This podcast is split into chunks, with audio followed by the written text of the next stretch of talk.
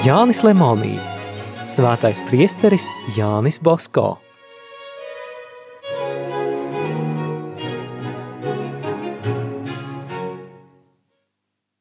Dievbijīgais mūks aicināja visus nomesties ceļos un lūgties jaunavu Mariju. Lai viņas kalpa priestera Bosko nopelnu dēļ, tiktu izglābtas viņu dzīvības. Pats savā sirdī viņš apsolīja Jāņa Bosko dzīves aprakstu pārtulkot un visur izplatīt. Tikko viņš deva šo solījumu, vētra mitējās.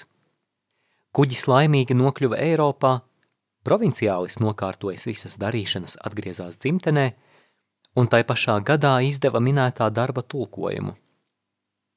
To iespieda desmit tūkstošos eksemplāru, izdalīja bīskapiem, priesteriem, turīgajiem un trūcīgajiem, tiem, kas lūdza un tiem, kas nelūdza. Priestera Bosko vārds tūliņ kļuva populārs visā Perū. Par šo notikumu franciskāņu provinciālis liecināja rakstiski, un 1890. gadā to sīki izstāstīja salezijāņu misionāram Evāzijam Rabaljatī. Kas iepazinis priestera Bosko dzīvi, tās mērķi un varonīgo izturību uz to ejot, kā arī viņa lielos paveiktos darbus, tas nevar nenoliekties šī lielā 19. gadsimta audzinātāja priekšā un nesacīt reizē ar bīskapu Bertaņu, priesteris Bosko bija ievērojamākais no visievērojamākajiem cilvēkiem.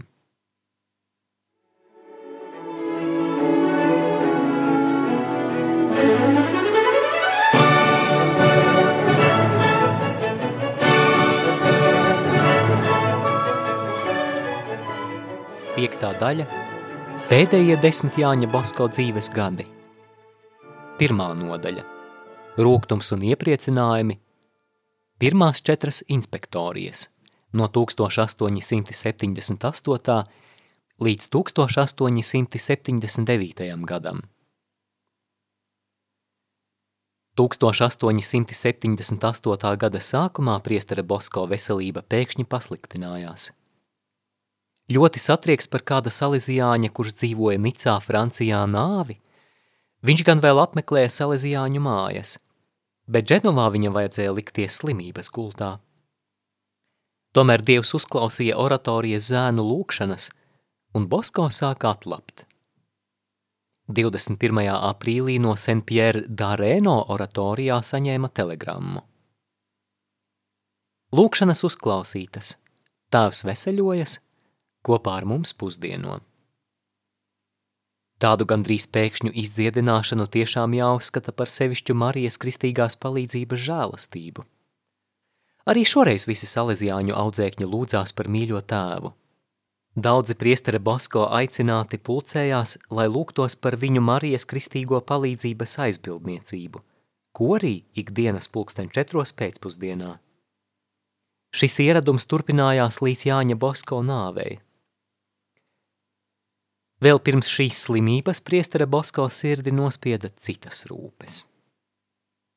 Gandrīz tai pašā laikā Romā nomira liels viņa atbalstītājs kardināls Berardī. Valdība slēdza iesākto oratorijas skolu un draudēja tāpat slēgt arī ģimnāziju. Atkal tas notika skolotāju cenza dēļ. Vēl vairāk Jāņa Bosko sirdi grauza citas neremdināmas sāpes – radās cilvēki, kas viņam lika šķēršļus un kaitēja. Visskumjākais tas, ka tie bija cilvēki, kurus pats priesteris Bosko bija ieteicis augstos baznīcas amatos. Negodīgā un stūrgalvīgā cīņa turpinājās piecus gadus. Jānis Bosko klusēja, pacieta un darīja savu darbu.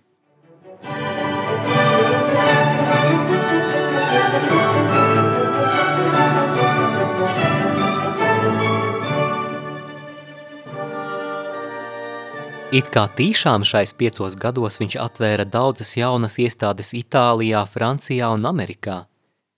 Ievērojami viņš uzlaboja Marijas kristīgo palīdzības meitu kongregācijas darbu. Bez tam 1878. gadā priesteris Bosko sāka Turīnā celt skaisto svētā apustuļa Jāņa baznīcu, par kuru plašāk būs stāstīts vēlāk.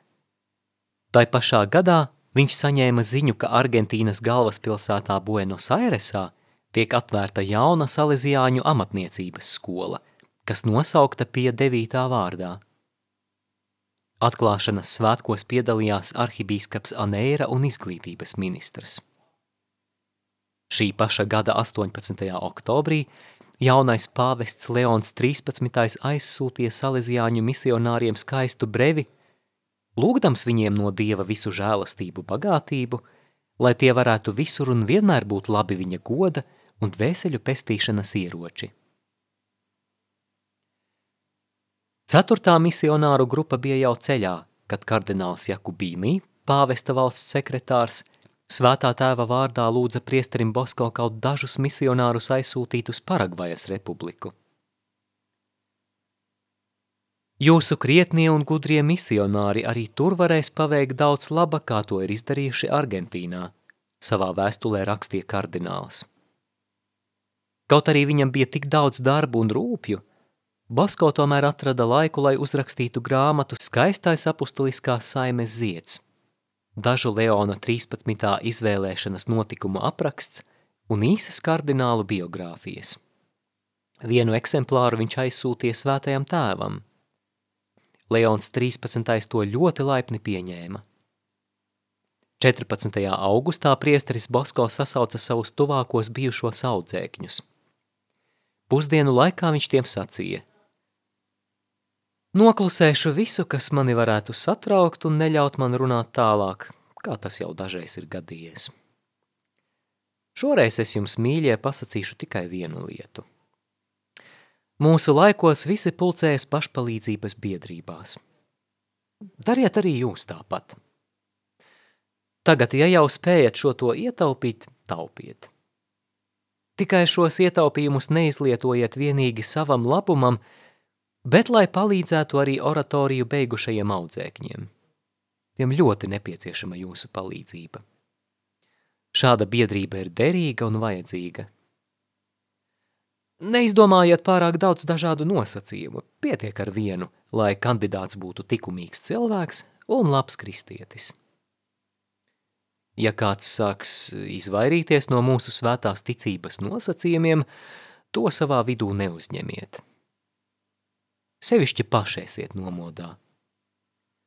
Saprotiet, ka es to nerunāju par kādu atsevišķu kritienu. Tas var gadīties priesterim Bosko un jebkuram cilvēkam. Nepieņemiet tikai tādu savu bijušo skolas biedru, cik sāpīgi to sacīt, kas pastāvīgi dzīvo neglīti nekristīgi. Taču vairs uz biedrības sanāksmēm neaiciniet. Tā jūs katrs no savas puses centieties vairot labo sabiedrības slavu un būsiet savas audzināšanas iestādes, savas ticības, salezijāņu līdzstrādnieku apvienības spožums.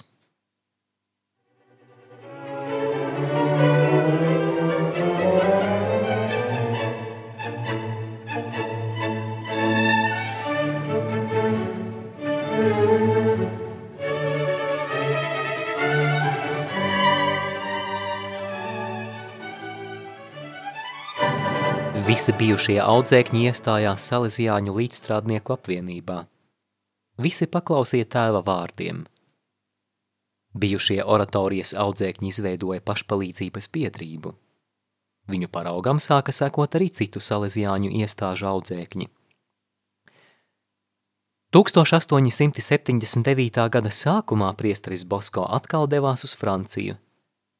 Par viņa ierašanos zināja visā Marseļā – Žiljēns Rostāna kungs sarīkoja lielas pusdienas viņam par godu, uzaicināja ievērojumus pilsētas iedzīvotājus.